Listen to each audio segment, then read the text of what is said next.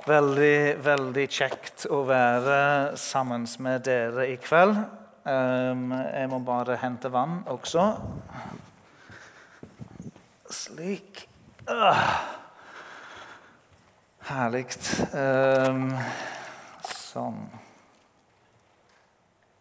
Nei, jo Det er sånn optisk uh, illusjon, denne her. Men det gikk bra. Så fint. Eh, jeg vet ikke om du har Bibelen med deg, men jeg vet at teksten skal komme bak meg på skjerm, som du kan følge med på mens jeg leser hele kapittel 9. Men den er ikke så stor. Det er kun 13 vers tror jeg, i kapittel 9. Vi er i andre Samuels bok, og vi skal eh, se litt på David. Eh, disse få minuttene som jeg har sammen med dere. Så eh, Da begynner jeg å lese, og så skal vi be, og så begynner vi å snakke sammen. David sa, 'Fins det ennå noen som er igjen av Sauls hus, så jeg kan vise ham barmhjertighet for Jonathans skyld?' Det var en tjener fra Sauls hus som het Siba. Da de hadde bedt han komme til David, sa kongen til ham, 'Er du Siba?' Han sa, 'Jeg er din tjener.' Da sa kongen, 'Er det ikke noen i en av Sauls hus som jeg kan vise Guds barmhjertighet mot?' Og Sibe sa til kongen, 'Det fins ennå en sønn av Jonathan, en som er lam i begge beina.' Da sa kongen til ham, 'Hvor er han?' Og Sibe sa til kongen, 'Se, han er i huset til Makir, Amiels sønn, i Lodebar.' Så sendte kong David bud og hentet han ut av huset til Makir, Amiels sønn, fra Lodebar. Og Da Mefibosjet, sønn av Jonathan, sønn av Saul, hadde kommet inn til David, falt han ned på sitt ansikt og hyllet ham. Så sa David, 'Mefibosjet.' Han svarte, 'Her er din tjener.' Og Da sa David til ham, 'Frykt ikke, for jeg skal sannelig vise deg barmhjertighet for din far Jonathans skyld.' 'Jeg skal gi deg tilbake alt landet din far Saul hadde, og du skal alltid spise ved mitt bord.' Da falt han på kne og sa, 'Din tjener, hva er han, siden du viser oppmerksomhet mot en død hund som meg?' Og Kongen kalte til seg Sibesaus tjener og sa til ham, 'Alt det som tilhørte Saul og hele hans hus, har jeg gitt til din herres sønn.' Derfor skal du og dine sønner og dine tjenere dyrke jorden for ham og høste innavlingen for ham, så din herres sønn kan ha brød å spise. Men Mefibosjet sjøl, din herres sønn, skal alltid spise ved mitt bord. Sibe hadde 15 sønner og 20 tjenere. Og Da sa Sibe til kongen.: Etter alt det min herre kongen har befalt sin tjener, slik skal din tjener gjøre. Og Mefibosjet sa kongen, han skal spise ved mitt bord som en av kongens sønner. Og Mefibosjet hadde en ung sønn som het Mika. Alle som bodde i Sibas hus, ble Mefibosjets tjenere. Så bodde Mefibosjet i Jerusalem, for han spiste alltid ved kongens bord. Og han var lam i begge beina. Skal vi be sammen? Jesus, takk for ordet ditt. Og takk at ordet ditt er levende og det er virkekraftig. Og takk at det gir mat til oss. Og det ber jeg om, Herre. Jeg ber at denne lørdagskvelden at du skal la ditt lys skinne over ditt ord, og at når vi går herfra i kveld, så skal vi kjenne at ordet ditt har rørt ved oss, talt til oss, påvirket oss, gitt oss nye tanker, vist oss litt mer av hvem Jesus er. Eh, dette ber jeg om i Jesu navn. Amen. Og Vi sier i pinsemenighet, og alt folket sa, men jeg vet ikke om jeg tør. Ja, ja men det var, det var Marius i alle fall, så det er fint. Forholde meg til det. Jeg er i et fremmed landskap, men det går nok bra. Um, vi skal snakke litt om David. David um, som jeg mener i dette kapittelet er David på sitt aller, aller beste. Um, det er mange som kjenner til Davids liv, og vi må snakke en god del hvis vi skal komme gjennom hele livet hans. Det har vi ikke tid til. Og Det er selvfølgelig andre øyeblikk i Davids liv hvor David er gode, hvor vi tenker du får et forbilde du er. Og Har du gått på søndagsskole, så tenker du med en gang på David og Goliat. Da var David da var han gode. Da sto han fram, og når alle andre, både hans brødre og resten av det israelske hær, ikke tørte, så gjorde i alle fall David det, og David opplevde en stor seier for Israels folk og for Gud. Det var jo bra. Men jeg mener sjøl at når vi leser kapittel 9 i andre Samuels bok, så møter vi David på sitt aller, aller beste. Det er David som for ikke så lenge siden brakte arken tilbake til Jerusalem. Og I seg sjøl var det en stor begivenhet at arken som representerte Guds nærvær, Guds kongedømme, at Gud igjen skulle være sentrum av det jødiske folkets liv. Den hadde vært borte lenge. Nå skulle arken tilbake til Jerusalem, som symboliserte at nå, nå er Gud sentrum igjen. Nå skal Gud være midtpunktet. Vi skal alle samles om Gud. Det har akkurat skjedd i forkant av dette. Det er fred eh, i Israel. David har samlet alle stammene, og det er rolig. Eh, Bibelen sier at Gud har gitt David hvile fra alle hans fiender. Sant? Det er trygt, det er godt, det er fredelig. David er i sin palass. Det er varmt her også på Rogaland i disse dager, så eh, også i Jerusalem tenker jeg at det var godt og varmt. Det var Midtøsten-stemning, og David var det. Og David begynte å tenke. Um, det er egentlig ikke så ofte David er rolig. Når vi leser om David, så er han ganske ivrig i det aller meste. Han var en handlingens mann. Men akkurat nå så sitter han ned og han tenker. Og så begynner han å tenke på er det noen, Fins det noen igjen fra Davids hus? Fins det noen igjen? Fordi at Davids, Sauls hus var jo det huset som David slåss mot. Krigen mellom Davids hus og Sauls hus. Fins det noen igjen som jeg kan vise Guds barmhjertighet imot? Og Det er viktig bare å si det, at når vi snakker om, og når David sier «Finns det noen igjen fra Sauls hus som jeg kan vise Guds barmhjertighet til, så er det ikke sånn at David ønsker bare å være snill med noen. Sant? Sånn som vi sier til ungene våre når vi er på skole eller når vi får nye naboer, nå må du huske å være snille. Nå må du være grei med de nye naboene, med de som du går i klasse med. Du må være grei, du må være snill. Dette er ikke det David gjør her. David prøver ikke bare å være snill med noen, men David ønsker å vise Guds chesed.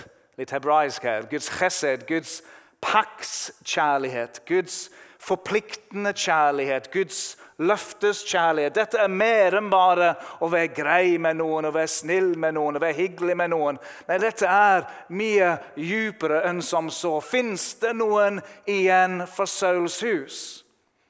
Og Hvis spørsmålet stoppet på en måte bare det, så kunne man ha tenkt at David ville finne ut om det var flere som kunne være en trussel mot ham. For det var ofte sånn konge tenkte. At når jeg blir konge, så må jeg passe på at alle de som er trusler mot meg, de må jeg ta. De må jeg drepe, de må jeg utslette. Og selv om Gud hadde gitt David hvile fra hans fiender, så kunne det hende at David satte seg også da og tenkte og reflekterte. Ja, fins det noen igjen som fortsatt er en trussel imot meg? Fins det noen som kan stanse meg, som ønsker å være konge istedenfor meg? Men vi vet at spørsmålet stoppet ikke det. Spørsmålet strakk seg ut, og han satt der og reflekterte og tenkte Fins det noen igjen for Sauls hus som jeg kan vise Guds barmhjertighet til?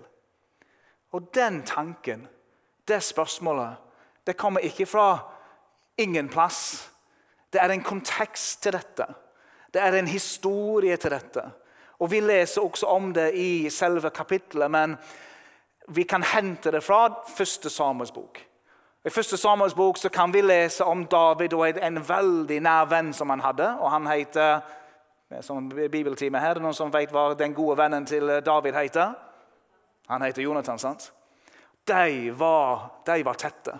Sant? De var Veldig dype vennskap, betydde veldig mye for hverandre. Kan du lese I kapittel 20 tror jeg det er, så er Jonathan på et sted hvor han begynner å tenke at eh, det er ikke sikkert at jeg kommer til å overleve disse kampene, denne krigen som finnes akkurat nå. Det kan hende at det er snart over med meg. Og han snakker med David. Og Så sier Jonathan til David David, du må love meg. Lov meg hvis jeg ikke kommer gjennom dette. Hvis jeg dør, Du må sverge at du viser Guds barmhjertighet til mitt hus. Til de som kommer ut av mitt liv, til mine barn, til, til, til deg i min familie. Du, du må sverge, du, David. Du må love. Og det gjør David. David lover sin gode venn Jonathan at, at 'jeg lover at jeg skal vise Guds barmhjertighet mot ditt hus'. Det samme gjør han med Saul, selv om Saul var, Saul var ikke helt god.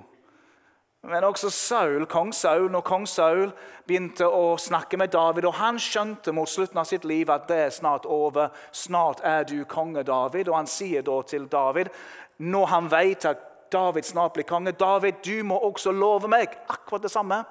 Du må love meg at når du er konge og jeg er borte, at du, du viser barmhjertighet mot mitt hus. At ikke alle min slekt, det som kommer ut av mitt liv, at ikke alle blir borte, men noe kommer til å leve etter meg. Lov meg dette, David! Ja. Da gjør David det. Denne tanken som David har, det kommer ikke ut fra ingenting. Det kommer fra et løfte som ble gitt 20 år tilbake i tid. Altså Fra det løftet han ga til Jonathan og Saul, så har det gått 20 år. Det er en stund, det. to tiår hvor David nå sitter i sin palass og tenker på ei løfte som han ga minte meg om en annen fortelling i Det gamle testamentet, hvor vi kan lese om Josef. Og Josef som var i fengsel, og han hadde to medfangere der, bl.a. koppbæreren, står det. Josef tidet drømmene, og koppbæreren fikk lov til å komme ut av fengsel pga. noe som Josef gjorde. Og så sier Josef til koppbæreren når du kommer ut, så må du love å nevne meg for far. Lov å si mitt navn om hvem jeg er, slik at også jeg kan få mulighet til å komme meg ut. Dette er første Mosebok, kapittel 40. Og det siste verset som vi leser om, at når koppbæreren kom ut, så glemte han det han hadde lovet, og han gjorde det ikke. Hmm. Tenk på alle løfter som ikke blir holdt. Tenk på alle besøk vi sier vi skal gjøre men ikke gjør. Alle invitasjoner som vi sier vi skal gjøre, men som vi ikke gjør. Alle e-mailer vi skulle sende, alle telefoner vi skulle ha tatt. Tenk på alle løfter som blir gitt, men som vi ikke holder. David han tenker, snakker høyt kanskje. Og så kommer Siba. En av tjenerne Siba kommer bort og så sier han, du, vet du om det fins noen Vet du om det fins noen som er igjen fra Saul sitt hus? Som jeg kan vise Guds barmhjertighet til? Og Siba han sier ja, det, det er faktisk noen. Og, og han eh, peker han i retningen av det navnet som burde erstatte Chubby Bunnies. Er det noen som har den, hatt den leken før? På ungdomsarbeid? Chubby Bunnies? Jeg mener det burde vært sånt Mephibosheth Bunnies. Altså, det, det, navnet her det er veldig vanskelig å si, og jeg kommer sikkert til å bomme litt på det når jeg skal si det nå fremover. Nå, men uh, prøv å gjøre det hvis du har Chubby Bunnies en gang. Bare erstatt Chubby med Mephibosheth. Så ser du hvordan det går. Det kan bli så bra. Ja, det fins en, en som heter Mephibosheth. Han er lam i begge beina. Ja, Den historien kan du lese om i 2. Samers bok, kapittel 4. Og I det kapittelet så leser vi om når krigen nærmet seg huset der hvor Mefiboset var. Så hadde han en dag, mamma. Ja, jeg leste denne uken en bok om andre verdenskrigen. Og det kapittelet som jeg leste, så leste jeg om når Den røde hær nærmet seg Berlin. Så var egentlig de allierte kreftene de var der allerede.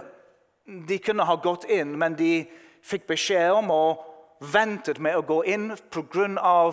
misgjerningene som tyskerne hadde gjort i Russland, og russerne ville ta igjen. De allierte holdt seg tilbake. Den røde hær nærmet seg Berlin. Og du kan tenke deg frykten de må ha følt. Hvis du leser litt historie, så vet du tilstanden i Berlin når Den røde hær kom. Det var ille. Og det er litt sånn i 2. Samuels bok, kapittel 4 Det, det, det er trussel. Det er krigere som er på vei. Og så står det, så kan du lese at da tar dagmamma Mefibosjet Mefibosjet da er fem år gammel. Og så begynner hun å springe for livet. Hun er livredd. Og så leser du det, at da snubler hun mens hun springer. Det kan du forstå. Og gutten òg snubler. Og han brekker beina sine. Og i dag så er ikke det noe vanskelig. I dag så går du på sykehuset og du får gips, eller de gjør en operasjon, og gutten kan gå helt fint igjen, men ikke da. Når han brakk beina sine, så var han merket for livet. Ja, Vi vet ikke om Mefibosjet måtte bli båret til bordet, eller de lagde krykker som han kunne gå med. Vi, vi, aner jo ikke, men at han ble merket for livet, denne Mefibosjet. Da var han fem år gammel. Nå er han antageligvis 25 år gammel, og han har fått sin egen sønn. David sitter og tenker er det noen som jeg kan vise Guds barmhjertighet til. Ja, det er en. Han heter Mefibosjet. Han er i Makirs hus på et sted som heter Lodebar. Og Det er jo veldig lett når du får sånne tanker. Du tenker ja, men det var jo det var, det var greit å vite. Ja, men det var fint. Har du, har du hatt sånne tanker før? Hvor du, du vet du kan gjøre noe godt, og så finner du ut at det er faktisk mulig at du gjør det. Du får en tanke om noe. Men ja, ok. Ja, men det, var, det, var, det var greit å vite at de er, nær, at de flytter her. Det var jo fint. Det var godt. Men um, det, de, de, har det sikkert travelt, så noen andre kan uh, stikke innom deg. Eller, uh, du, du, får en tanke om å gjøre noe godt. Ja, ja, jeg hører det. Noen du trenger noen på team her. Ja, men det, det er sikkert noen andre som kan gjøre det. Tanken om å gjøre noe godt, det var en god idé og så legger du det til side. Eh, det kunne David ha tenkt. Det var jo, det var jo veldig lenge siden jeg sa dette til David. Det var jo 20 år siden jeg sa dette. Ja, Det var lenge siden, det. Det er kanskje ikke så viktig. Omstendighetene var annerledes da. Det er ikke det samme nå. Det var jo bare noe mellom meg og Jonathan. Det var ingen andre til stede som hørte det vi sa. Vi er annerledes nå. Jeg kan jo tenke på i vår tid ekteskapsløftene. Det var jo lenge siden vi sa det. Ting har endret seg. Jeg har endret meg. Vi er annerledes nå? David han levde ikke ut, selv om vi vet at David var et følelsesmenneske også. Men i denne sammenhengen så levde ikke David ut ifra sine følelser. Hva han følte for, hva han kjente for. Det som motiverte David i denne situasjonen som vi leser om, det er hans løfte hans løfte om å vise Guds chesed. Guds barmhjertighet, Guds kjærlighet. Det var en forpliktelse. Det var et alvorlig løfte. Ja, Mefibosjet. Ja, hvor er han? Hvor er Mefibosjet? Ja, det er ikke noe spesielt sted, det. Og Det vet vi også i dag. Det, noe, det var ikke noe særlig sted han var på Lodebar. Det var ikke noe ikke noe skryte hjemom. Han bodde hos noen andre. Han trengte noen andre for å passe på han, og her skal kongen besøke han, få han med i sitt entourage. Det høres jo helt galt ut. At kongen skal vise barmhjertighet mot en som er lam i begge beina. Hvis du er en konge, og hvis du skal ha mennesker som sitter ved ditt bord, og som er i din entourage, ja, hvem er det du har da? Ja, da har du de sterke. Du har de vakre. Du har de med riktig etternavn. Du har de dyktige. Men nå går kongen til Mefibosjet, han som er lam, han som har ingenting å tilby. Og hør nå, det er jo det som er med Guds kjærlighet. Eh, er det Sigbjørn? Nei, nei, hva heter din mann? Sigmund. Takk. Unnskyld. Sigmund, hva var det som gjorde at du forelsket deg i Ine? Ja. Eh, Hva som gjorde det, ja. Eh, nei, Vi hadde en ekstremt god kjemi. Jeg hadde bare lyst til å være med, for vi ble så gode venner.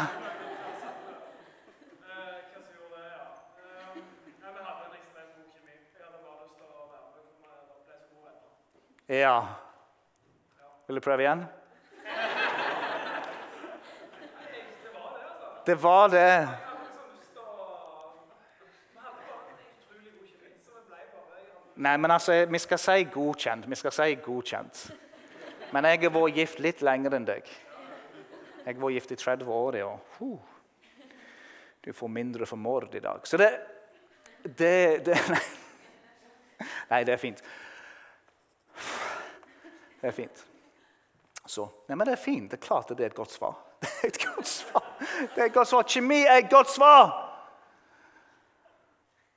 Men det perfekte svaret hadde vært Ja, men har du sett hvor vakker hun er? Det hadde vært, eh, det hadde vært et, eh, et kyss og et klemsvar. det altså. Har du sett hvor vakker det er? sant? For sånn er ofte vi mennesker. ikke sant? At Vi, vi responderer ut ifra hva vi ser, kjemi. sant? Hva vi ser, hva vi føler. Vi liker noe hos den som vi er sammen med, eller som vi gifter oss med. Ja, du er så nydelig, du er skjønn, du er vakker. sant? Og jeg håper du syns også jeg er kjekk og, og flott. ikke sant? Og det er en, en felles Jeg liker deg, du liker meg, og så blir vi sammen. ikke sant? Vi liker noe hos hverandre. sant? Men Guds kjærlighet er ikke slik. Guds kjærlighet velger ikke bare de vakre, bare de skarpe, intelligente, de dyktige. Guds kjærlighet den velger Bibelen sier ofte den svake, den som ingenting er. Guds kjærlighet er ikke basert på det ytre, på de kvalitetene som vi har, men Guds kjærlighet den er ikke slik den vanlige kjærligheten som vi opplever mellom oss.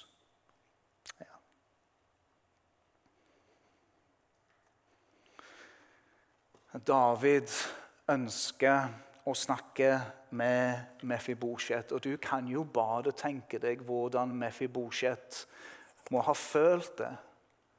Han vet hva som har skjedd med Saul sitt hus, sin bestefar. Han, han vet.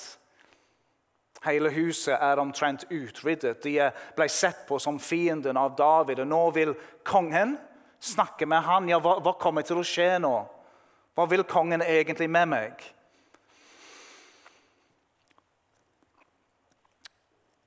Det er fint når vi leser Bibelen. Og Bibelen den har nyanser og detaljer som skal også hjelpe oss å forstå stemningen i det som skjer her. Og når du leser 2. Sangsbok kapittel 9, så leser du de første versene. Så kan du lese et ord som går igjen og igjen, og det er 'kongen sier', 'kongen sier', 'kongen sa', 'kongen tenkte', 'konge, konge, konge', konge. Men når kongen skal snakke med Mefibosjet, så ser du at forfatteren endrer Han bruker et språkmiddel til å hjelpe oss å forstå at, at her er David opptatt av at Mefibosjet skal føle på noe, skal kjenne på noe. For plutselig så skriver forfatteren David sa til Mefibosjet. Nå var det ikke kongen til borgeren. Nå var det David til Mefibosjet. Nå var det en mann som skulle snakke med en mann. Nå ville han at Mefibosjet skulle ikke frykte og være redde, men at han skulle kjenne på at her er det noen som kjenner hans navn og så bryr seg om han. Og David må likevel begynne med å si de kjente bibelske ordene 'frykt ikke' når han snakker til Mefibosjet. Frykt ikke. Jeg vet ikke hvordan det er med deg når du leser Bibelen, men det er veldig ofte med meg når jeg leser Bibelen og jeg kommer til sånne setninger, så stopper jeg litt opp, og så begynner tankene mine å gå til andre steder andre ganger hvor det, den setningen 'frykt' ikke dukker opp. For vi, vi vet det er en ganske vanlig begrep som vi kan lese mange ganger i Bibelen. Og når jeg tenkte på denne fortellingen og jeg stoppet opp og tenkte på de ordene som kong David sa her, så tenkte jeg på en setning, et par setninger som englene kom og sa i eh, juleevangeliet. Nå skal jeg lese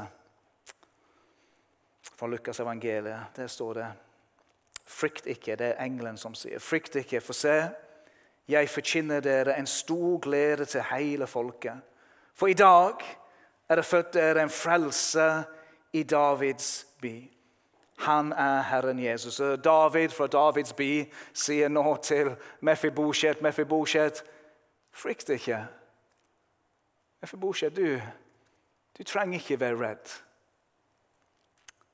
Og jeg kommer til å velsigne deg. Jeg, jeg, kommer til å gjøre noe for deg. Jeg kommer til å være god mot deg. Og ikke pga. noe som du har gjort. Det er ikke slik med Mefibosjet at du fortjener det jeg skal gjøre mot deg. Men jeg skal gjøre dette mot deg pga. noe som jeg sa til din far for 20 år tilbake. Jeg sa noe til din far, og nå skal du, Mefibosjet, oppleve velsignelse. Du skal oppleve at jeg gjør noe godt for deg. Og du må bare vite det at dette handler ikke om at du fortjener noe.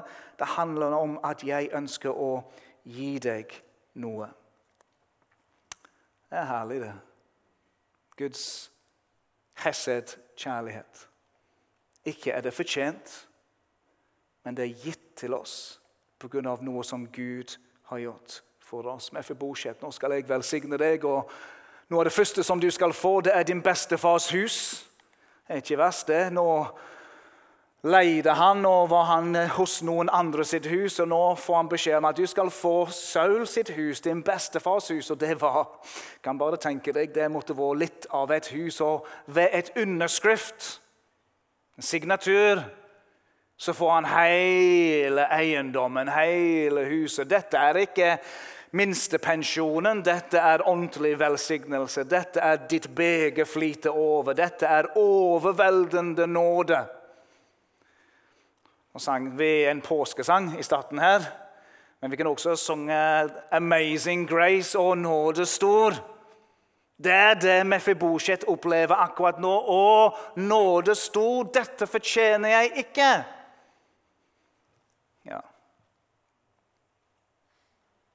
Du skal få huset. Du skal få tjenere. Og skal du sitte ved mitt bord, og du skal spise mine middager. Min taco, min kumle.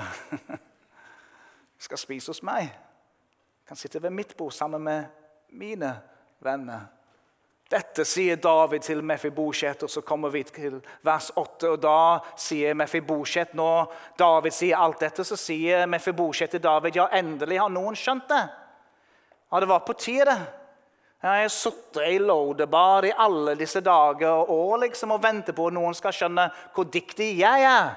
Hva jeg egentlig fortjener. Sitte ute i dette ørkenområdet her. og Egentlig så har jeg langt større potensial. og så det går til David. Takk. Ja, jeg er takknemlig, men allikevel, det var på tide.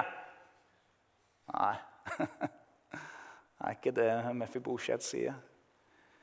Mefibosjet bruker et, eh, en setning som eh, ja, Hvem sier noe sånt? Men han kaller seg sjøl for en død hund. jeg jeg, jeg hva, hvorfor viser du så stor nåde mot meg? Jeg er jo bare en død hund. David har kalt seg sjøl for det før i første Samuels bok. Nå sier Mefibosjet det samme. En død hund. Iblant når jeg hører mennesker fortelle mennesker som ikke tror om Jesus og evangeliet, så høres de nesten ut som bilselgere. Det er iblant Når jeg hører de snakke, så er det Du er jo bare helt utrolig. Du, du, er, du er jo nydelig. Det er ikke noe med deg. Du er helt fantastisk, du. Du er jo noe av det beste som fins. Men du kan få det litt bedre med Jesus. Du, du er jo, det er ikke noe med deg. Du er jo flott, du. Men du kan få det litt bedre med Jesus. Hva, om ikke du prøver Jesus en måned? du? Prøv Jesus en liten stund, så ser du om jeg kan gjøre livet ditt bedre. Og du kan alltid levere den tilbake igjen hvis det ikke blir noe bedre. Ja. Jeg tuller litt, men jeg mener det, det oppleves sånn iblant når jeg hører mennesker si du, du er jo snill, du. Det er alltid jo fint med deg. Men du kan jo ha Jesus òg. ikke det koselig, da? Sannheten er at vi er alle sammen, før vi møter Jesus, det Mefibosjet sier her. Altså Før vi møter Jesus, så er vi alle sammen døde hunder. Vi er alle sammen Mefibosjet, at vi er lam i begge bein. Vi er alle sammen syke. Vi er alle sammen noe som er ikke som det skal være. Vi er alle sammen syke. Og uten at vi forstår det, uten at jeg forstår at jeg er Mefibosjet uten at jeg forstår, før jeg møter Jesus, at jeg er en død hund. Er ikke det flott å si da når du kommer hjem i kveld? Hva leter du i kveld? Jeg leter, det var en død hund. Ja. Men uten at man skjønner det, forstår det, så har man ikke skjønt evangeliet. Uten at jeg forstår at jeg fortjener ingenting. Jeg har ingen, ingenting i meg som har rett til noe av det som kongen ønsker å gi meg, vise meg. Ja alle sammen døde hunder. Og David sier da dette til Mefibosjet. Og Mefibosjet opplever i møte med kongens barmhjertighet og kongens nåde at hele livet hans forvandles. Når vi ser på denne teksten i nærbildet, så handler denne teksten om at David viser hvordan Guds kjærlighet ser ut overfor Mefibosjet. Vi, vi får et bilde av pakskjærligheten som vi leser om i Det gamle testamentet. Men hvis vi trekker oss tilbake og ser på David, så vet vi at David han er en skygge av Jesus. Det er ikke alt med David, det vet vi. Men her er David en, en liten skygge av Jesus. Han, han, viser oss noe om av den kjærligheten som Jesus snart skal åpenbare og snart skal vise. Og etter Davids sitt hus falt, noen år, så, så faller Davids sitt hus. Og så kommer profetene. Nå kan du lese om en av profetene, profeten Isaiah. Og kapittel 35 så snakker profeten om at det skal komme en dag og På den dagen så skal det komme noen, en Messias. Og Han skal gjøre at lamme går, og blinde ser, og døve hører, og stumme taler. Det kommer en dag, og de som hørte dette, de undres. Og Hvem er denne personen, og nå skal dette skje? Og Plutselig så var tiden der. Jesus er her. Guds rike er nær. Og Jesus han besøker mennesket. David gikk til huset til Mefebosjet. Jesus gikk til Levi sitt hus. Og Fariseerne kikket på han og sa alle dager Hvis han visste hvem han var, så han hadde aldri gått i det huset. Han skulle vært med oss, han, de rettferdige. Og Jesus sier, ja, var det for de rettferdige jeg kom? Nei, det var jo for deg som var sjuk. Jesus kommer til et annet hus, Sakkeus sitt hus. Og igjen, eh, de religiøse de eh, blir oppgitte og frustrerte hvis han visste hvem han var. Men Jesus kommer til Sakkeus sitt hus, og han banker på døren og han ønsker å ha fellesskap med Sakkeus. Ja. David kom til Lodebar og besøkte Mefibosjet. Jesus kom til Levi, han kom til Sakkeus. Kan vi lese Johannes' åpenbaring, så kan vi lese om Jesus. For det så at Jesus han, han banker på ditt hjertes dør. Ditt hus, ditt liv. Han spør vil du la meg komme inn, så jeg kan ha fellesskap med deg. Mm. Ja. Så vi ser Guds kjærlighet gjennom David til Mefibosjet. Men når vi tar et steg tilbake igjen, så ser vi Jesu kjærlighet til oss alle sammen. At Jesus ønsker å komme til ditt hus, ditt liv. Han ønsker å ha fellesskap med deg, og at du skal få smake og kjenne hans kjærlighet for deg ufortjent. Ikke noe du har gjort, men pga. det han har gjort for deg. Amen. Skal vi be sammen? Far, jeg takker deg og priser deg for ditt ord. At ditt ord viser oss noe av den kjærligheten som du har for oss alle sammen. Takk at gjennom denne historien av David og Mefibosjet så ser vi noe av din hersed. Din forpliktende kjærlighet, ditt løftes kjærlighet til oss. Ufortjent. Ikke pga. noe som vi har gjort, eller hva vi kan vise fram til, men pga. noe av det som du har gjort. Det verket du gjorde, Jesus. Jeg takker deg for at du fortsatt oppsøker hus, hjem og hjerte i dag. At kanskje også i kveld, når du sitter og hører meg snakke nå, så vet du at Jesus besøker deg. Du vet at Jesus står ved ditt, ditt hus dør, ditt hjertes dør.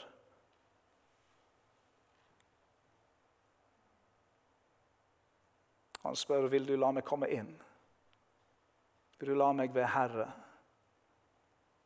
Vil du la meg øse mine velsignelser, min barmhjertighet over ditt liv?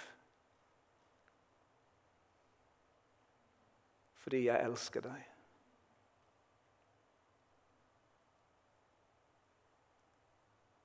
Takk. Amen.